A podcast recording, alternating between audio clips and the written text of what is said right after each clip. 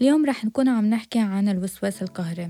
الوسواس القهري هو عبارة عن اضطراب نفسي وهو بيجي ضمن قائمة الاضطرابات القلق عادة الشخص يلي بيكون في عنده وسواس قهري أكيد بيعاني من الأفكار المتكررة يلي هي بتكون غزيرة بتكون دايما عم تتكرر بفكره للشخص بشكل كتير قهري.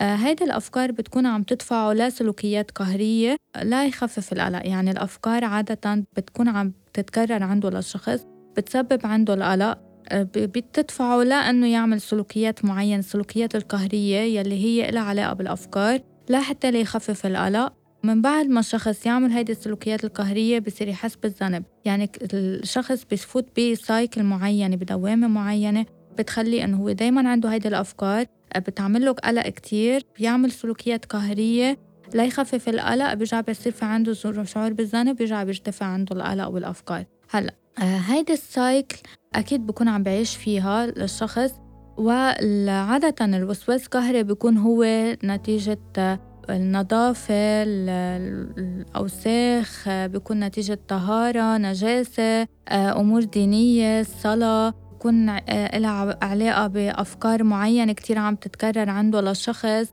شو الأسباب يلي هي بتأدي للوسواس القهري؟ أكيد في عنا كتير أسباب من ضمنها إنه يكون في عامل وراثة يلي هو يكون في حدا من العائلة الأم أو البي أو أي حدا عنده وسواس قهري فهون بيكون في شيء genetics بيكون عم بيخلي الشخص يكون في عنده risk أعلى إنه يكون في عنده وسواس قهري. plus الصدمات النفسية والقصص يعني ممكن إنه يقطع فيها المواقف المزعجة يعني ممكن إنه يقطع فيها الشخص بعمر معين بالطفولة.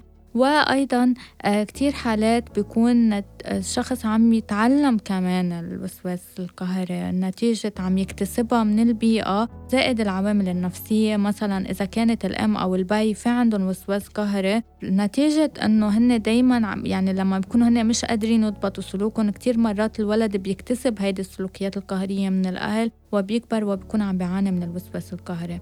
أكيد في كتير أشخاص بكتير حالات بيلجأوا لأنه هن يقمعوا هيدي الأفكار ويقمعوا هيدي السلوكيات وبجربوا قد ما فيهم لحالهم إنه هن يكونوا عم بيسيطروا على هيدا الاضطراب.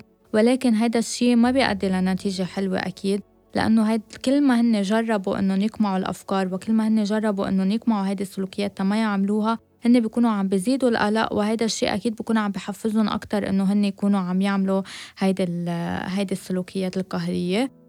أكيد هيدي الحالات بتتطلب لعلاج أكيد بكون الشخص بحاجة لعلاج دوائي العلاج الدوائي يلي هو كتير بيساعد الشخص إنه هو يخفف الأعراض النفسية اللي هي ناتجة عن الوسواس القهري عنده بتخفف الأفكار وكمان بيكون بحاجة لعلاج نفسي لحتى يكون عم بيعالج الأسباب النفسية اللي هي أدت للوسواس القهري. يعني كل الأسباب النفسية بكون عم بيعالجها من خلال جلسات العلاج النفسي عند معالج نفسي مختص. فترة العلاج ومدة العلاج أكيد بتكون طويلة الأمد حسب الحالة وكل شخص بيختلف عن الشخص الثاني حسب الحالة. هلأ بالنسبة للحلقة الجاي رح نكون عم نحكي عن اضطراب ما بعد الصدمة.